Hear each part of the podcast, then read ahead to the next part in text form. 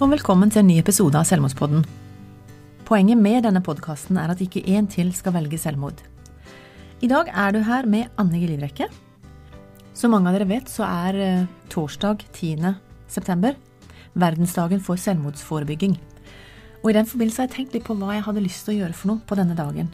Og så har jeg kommet fram til at eh, hele denne uka har jeg lyst til å lese inn boka mi for deg. Så i løpet av de neste seks dagene så vil du få hele boka her på denne podkasten.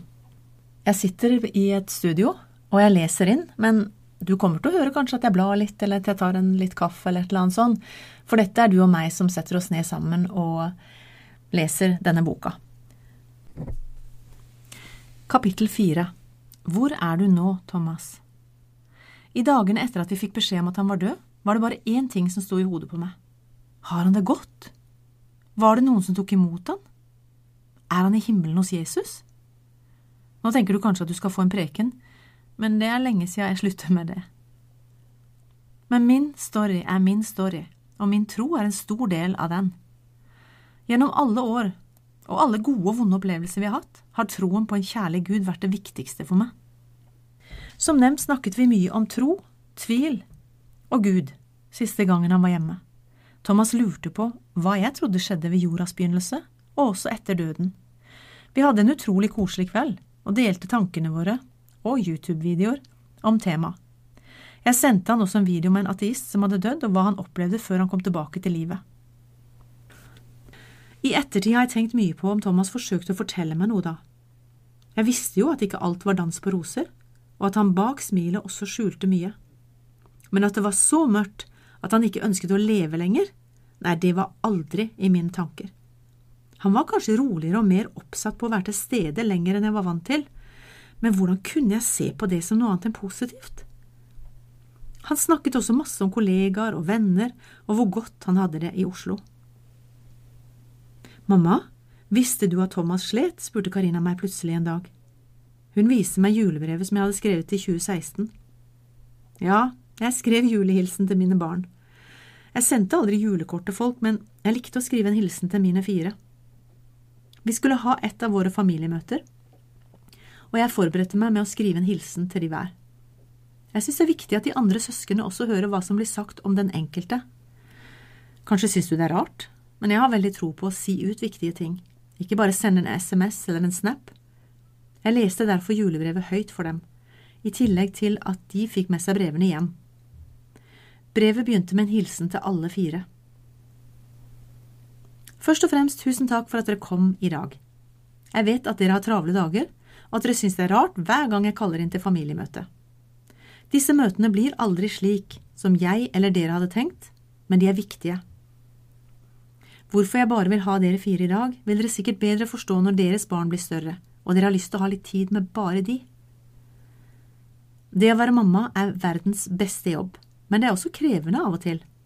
Nikk hvis du er enig men jeg elsker å være sammen med dere. Tusen takk for at dere har holdt meg oppdatert og latt meg få del i livet deres også når Miriam og jeg har bodd i USA. Møtene på FaceTime og telefon har betydd veldig mye for meg. Når dere har det for travelt å snakke, fordi dere skal feire noe, eller på jobb, eller hva dere gjør, så kjenner jeg at jeg gleder meg på deres vegne. Det hadde vært mye verre hvis dere satt og grein i andre enden av røret og ikke klarte dere uten meg. Dere har alle gode venner og familie rundt dere. Det er jeg enormt takknemlig for. Jeg har gjort mye rart i mitt liv. Noe har vært bra, noe har vært middels, og noen valg har vært dårlige. Men det har sannelig deres også vært. Vi har snakket om disse tingene, og jeg skal ikke rippe opp i alle situasjoner hvor jeg kunne vært en bedre mamma for dere. Jeg har dratt rundt kloden flere ganger. Dere har gått på skole utenlands, vi har flyttet mer enn de fleste vennene deres noensinne kommer til å flytte, av og til har vi rømt. Av og til har det vært roligere omstendigheter. Miriam er nesten 17 år yngre enn Karina. 15 15,5 år yngre enn Marianne og nesten 11 år yngre enn Thomas. På en måte har dere levd helt forskjellige liv, men samtidig har dere minst én ting felles – jeg er deres mamma. Jeg vet at jeg ikke er en A4-mor. Det er det mange som sier. Hvis noen hadde fortalt meg for 40 år siden at livet mitt ville sett sånn ut, hadde jeg aldri trodd det. Jeg har fortalt Miriam hva som skjedde både når jeg ble født, litt om skilsmissen og de andre tragediene i familien. Det er en smertefull del av livene våre. I etterkant har vi også hatt mange utfordringer. Mange ville ha blitt satt ut og gitt opp i vår situasjon. Derfor syns jeg det er et privilegium å få lov til å stå her i dag og se på mine fire flotte, oppegående, nydelige, ressurssterke, vakre, utholdende, tøffe, rause og elskede barn. Dere imponerer meg stadig, og jeg vet at dere vil fortsette å gjøre det. Ja, dere har utfordringer ennå, men dere er sterke. Så fortsatte jeg å skrive til Thomas. Min første og eneste sønn. Du ble født samtidig med fire andre gutter i en vennegjeng. Jeg lurer på om det er grunnen til at du alltid har vært så sosial. Jeg kjenner ingen i hele verden som er så flink til å bli kjent med mennesker som du. Om det er opplæringen du har fått av dine to eldre søstre, eller om det er et medfødt talent, det vet jeg ikke. Men du har alltid vært den som fikk folk rundt deg til å le, hygge seg og ha det bra. Du har også alltid vært en god selger, om det var jordbær på Nygård som skulle selges, eller basarbordet ditt til inntekt for Thomas på toppen av Førredveien, eller når du skulle selge ting inn til oss. Vi kalte jo Marianne for Ulv Ulv, men du kunne sannelig smøre tykt på, du også. Ditt gode humør og stå-på-vilje har du hatt god bruk for i livet ditt. Jeg vet at det ikke alltid har vært lett for deg, og at du av og til har brukt humøret og smilet selv om det har vært beintøft inni deg. Du har absolutt hatt din del av de vanskelige årene hos oss. Du har ikke alltid snakket så mye om det, og som eneste gutt i familien har du hatt flere utfordringer enn de fleste gutter jeg kjenner. Det at du i dag er den flotte, voksne, selvstendige mannen vi ser her i dag, er et resultat av mange valg du har tatt. Du ble tidlig selvstendig. Som 17-åring hadde du din første hybelerfaring med din gode venn Michael. Da hadde du allerede bodd med familien vår i England, Hawaii og Guam. Din evne til å tilpasse deg og finne din plass i forskjellige situasjoner er en enorm styrke. Lov meg bare at du aldri glemmer at du har en plass og en stemme som har like mye verdi som de rundt deg.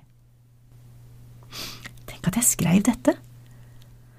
Det gjør både godt og vondt å lese det nå.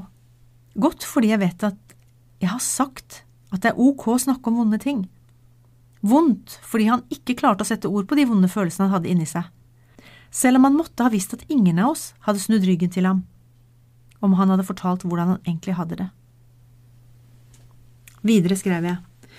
Da du brakk ryggen, husker jeg at jeg ba for deg om fullstendig helbredelse i ryggen, men også at du skulle få en sterk ryggrad inni deg. Begge disse tingene har skjedd.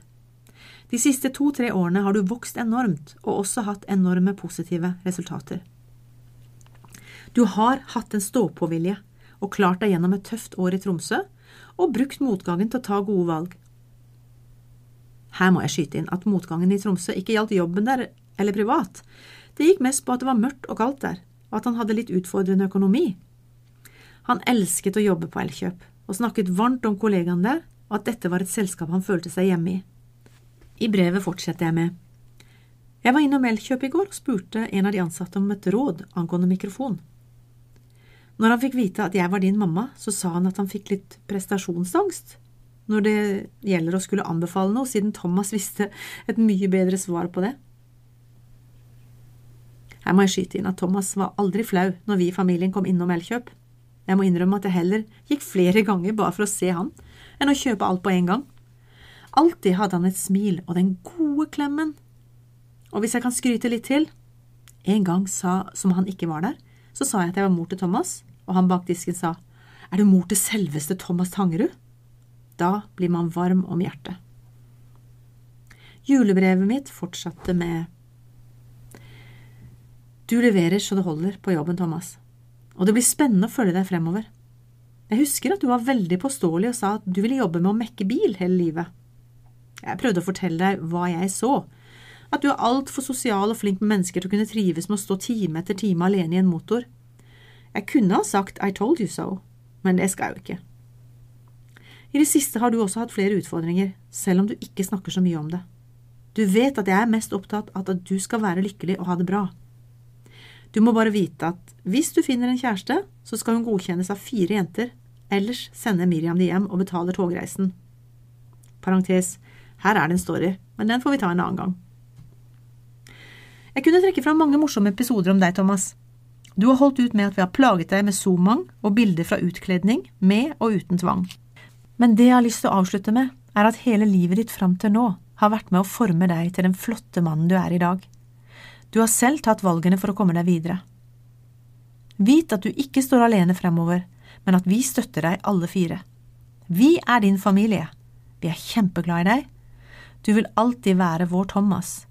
Thomas Toget, Tomorske og Bassa. Når jeg leser brevet nå, renner tårene. Igjen. Hver morgen har jeg strategimøte, som jeg kaller det. Der har jeg en time hvor jeg leser, ofte i Bibelen eller hører på inspirerende tale. Der er jeg også stadig oppe hver og en av mine barn, svigerbarn og barnebarn, samt andre som jeg blir minnet på. Ikke sjelden kjenner jeg en, sli, en stille hvisken om å besøke noen, ringe de eller andre ting. Jeg går også gjennom planene for dagen på jobb og bruker tavla på kontoret mitt hjemme flittig. Det gjorde jeg også 9. august. Jeg fikk ingen følelse av at noe var galt med Thomas. Når jeg ser på loggen vår på SMS, var den siste meldingen fra Thomas fire smileys med, med hjerteøyne. Det siste jeg skrev til ham, var I love you. Det som var det aller tyngste for meg i timene og den aller første dagen etter 9. august, var at jeg ikke hørte noe. Jeg fikk ikke noe englebesøk eller skrift på veggen, og i kaoset hørte jeg heller ikke den kjærlige stemmen som jeg har lært meg til å lytte til gjennom snart 59 år. Magefølelsen min, ja, den var bare kaos. Jeg var redd. Redd for at han hadde takket nei til å tilbringe evigheten med han som jeg trodde på. At jeg aldri fikk se ham igjen. At jeg ikke klarte å redde han og at jeg sviktet som mor. Alle disse tankene raste gjennom hodet mitt de første dagene, samtidig som den overveldende og overnaturlige freden var til stede. Jeg vet at det høres sprøtt ut, men jeg opplevde det som å være midt i øyet av en storm og se på at alt raste rundt meg. Jeg visste ikke hvordan verden ville se ut etterpå, men jeg visste at den var forandret for evig. Som nevnt tidligere ønsket jeg ikke å være sint på Gud. Jeg har vært det før når jeg har opplevd dype tragedier, men jeg fant ut hver gang at Gud ikke sto bak dette vonde. Han var løsningen og veien videre, ikke årsaken, og jeg trengte virkelig hjelp. Den andre natta opplevde jeg at jeg fikk den bekreftelsen jeg desperat søkte etter. Thomas var hjemme. Hvordan jeg fikk vite det? Jeg hadde ropt det spørsmålet inni meg konstant siden jeg fikk mailen, uten å høre noe. Men denne natta så jeg mange ganger et bilde som senere skulle vise seg å være Welcome Home av Danny Halbom. Jeg vet ikke om jeg hadde sett det før, men da jeg googlet etter bilder av Jesus og gutt, så jeg plutselig det bildet jeg hadde sett midt på natta. Du kan sikkert argumentere at jeg hadde drømt det, men jeg var lys våken og hørte samtidig stemmen som sa at Thomas var hos ham. Jeg fortsatte med å få bekreftelser på at dette var sant, og det var nok for meg. Jeg var overbevist om at det ikke var Gud som hadde ønsket at han skulle dø nå, men jeg kjente med full sikkerhet at han var i himmelen, og at han hadde det bra. Jeg pepret Gud med spørsmål, og fikk svar på det som var viktigst for meg. Jeg vet at mange syns det er rart at jeg snakker med Gud, men det gjør jeg altså. Jeg hadde så lyst til å se han også, men fikk kun bilder og den kjærlige stemmen som gjorde at jeg nå visste at han hadde valgt evigheten sammen med Gud. I ettertid har dette vært sannheten som jeg har klynget meg til, og søstrene hans fant også trøst i at jeg etter hvert ble så skråsikker på at han var i himmelen. Men selv om jeg nå visste at han hadde det bra, så hadde vi det kjempevondt og strevde som familie. Den tredje natta våkna jeg med et mareritt. Jeg så masse bilder og ble pepret med kaostanker. Jeg satte meg opp i senga og sa høyt nå må jeg få en setning som kan trumfe alt dette kaoset. Plutselig hørte jeg den kjente stemmen. Kjærligheten overvinner alt. Den setningen kom jeg til å bruke mange ganger hver eneste dag til lenge etter begravelsen. I begynnelsen hver eneste time, og hver gang jeg fikk en tanke som jeg visste var løgn. Du har vært en dårlig mor, du burde ha sett det, han fikk ikke nok hjelp når han var liten, du kunne ha stoppet ham, dette er din skyld, nå kommer hele familien til å gå utfor stupet, og så videre. Jeg hadde fått en setning som trumfet alt løftet om at kjærligheten overvinner absolutt alt. Kapittel 5 Tiden før begravelsen Og kjærlighet var det mye av rundt meg. Alle vennene og kollegaene til Thomas var helt enestående.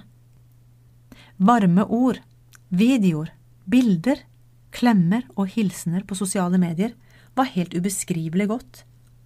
Og ikke minst å få være sammen med jentene og deres familier. Tett på. Gråt, latter, klemmer, fortvilelse, reaksjoner i bøtter og spann. Opplevelsen min var at jeg gikk rundt uten hud på kroppen. Alt ble overdrevet negativt eller positivt. En litt mutt person i kassa på butikken kjentes plutselig som smertefullt. Det gjorde fysisk vondt.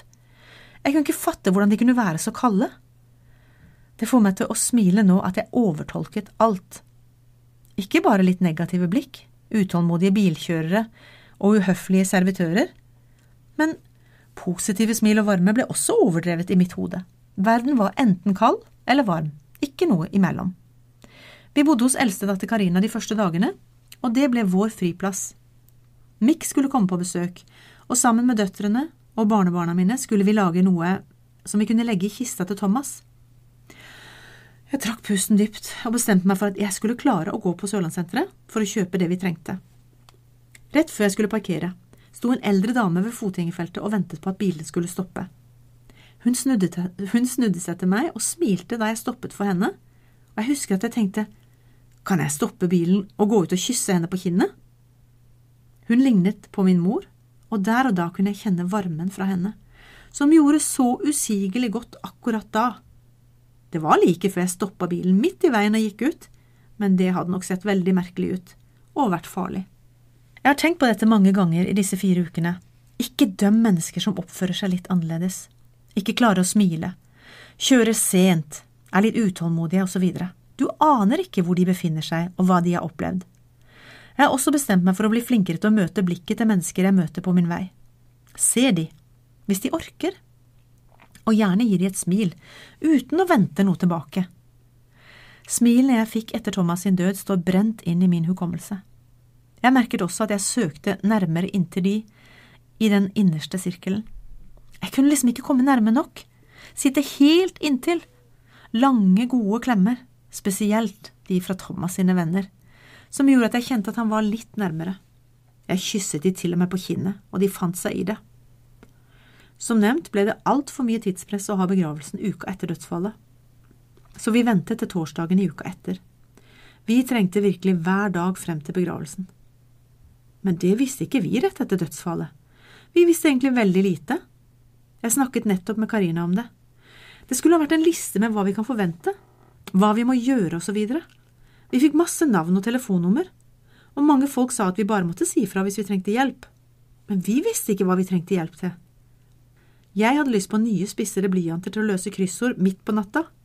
Det er ganske vilt å tenke på at det var det eneste jeg kunne komme på midt i kaoset. Jeg kunne jo ikke spørre noen om å gå på butikken for meg midt på natta. Men jeg ba faktisk om hjelp et par ganger. Vi var så vidt innom stua hjemme i Lillesand på vår vei mellom møter, syninger og familiesamlinger. Stua var full av blomster som visnet etter hvert, det var veldig koselig å komme til synet av et blomsterhav i begynnelsen, men etter hvert så det ut som en vissen gravlund der inne.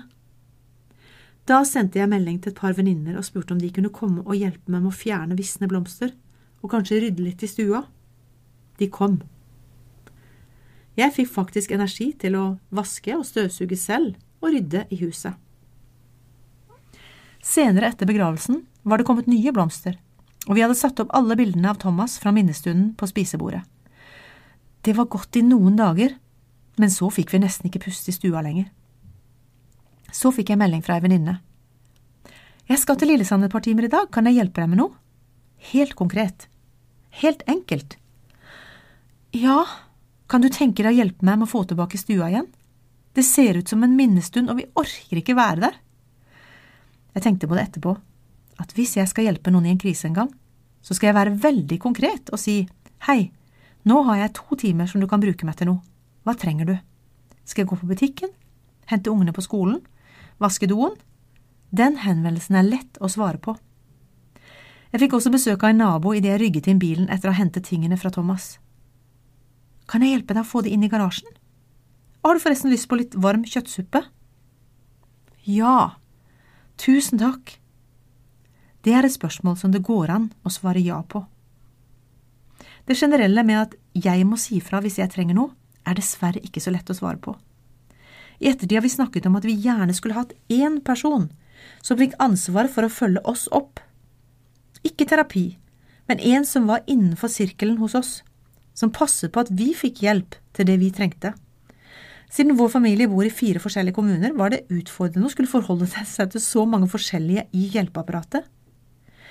Når vi endelig fant frem til noe, var vi enten for unge, for gamle, eller tilbudet var lukket eller avsluttet. Her hadde det også vært nydelig hvis én person kunne ha tatt disse rundene for oss og funnet folk vi kunne snakke med, oppfølging av store og små, samt gi tips til hva vi som familie bør gjøre. Jeg tror det hadde spart samfunnet for enorme summer. Vi kollapset som familie, både følelsesmessig og kroppslig, med de rareste symptomer, og det var kjempevanskelig å vite hva vi skulle gjøre den første tiden. Jeg hadde mer enn nok med å følge opp jentene til leger og sykehus, og prøvde å stable meg gjennom dagene. Vi så på nært hold hvordan en slik tragedie virket på kroppen, og i mitt hode handlet alt om at vi hadde mistet Thomas, selv om legene hadde andre forklaringer. Hele tiden tenkte jeg at jeg burde ha gjort mer, burde ha snakket med noen selv, og fått noen som jentene kunne snakket med. Det var som å være i et vakuum, der vi visste at det fantes masse hjelp å få, men vi maktet ikke å finne den. Kanskje dette tilbudet er noe jeg selv må være med å skape. Jeg er vant til å skape nye ting som gründer, men kanskje ikke riktig ennå. Helt til slutt har jeg lyst til å fortelle hvor du kan få hjelp. Kirkens SOS er en døgnåpen krisetelefon. Det samme er Mental Helse. Leve, Landsforeningen for etterlatte ved selvmord. Legevakten, 116 117. Kors på halsen, Røde Kors sitt tilbud. Det er en samtaletelefon for barn og unge under 18 år. Og så er det tilbudet som heter Snakk litt, mellom Helsesista, Kirkens SOS og Nyby. Helt til slutt har jeg bare lyst til å takke deg for at du har vært med på denne episoden, og ønsker deg alt godt videre.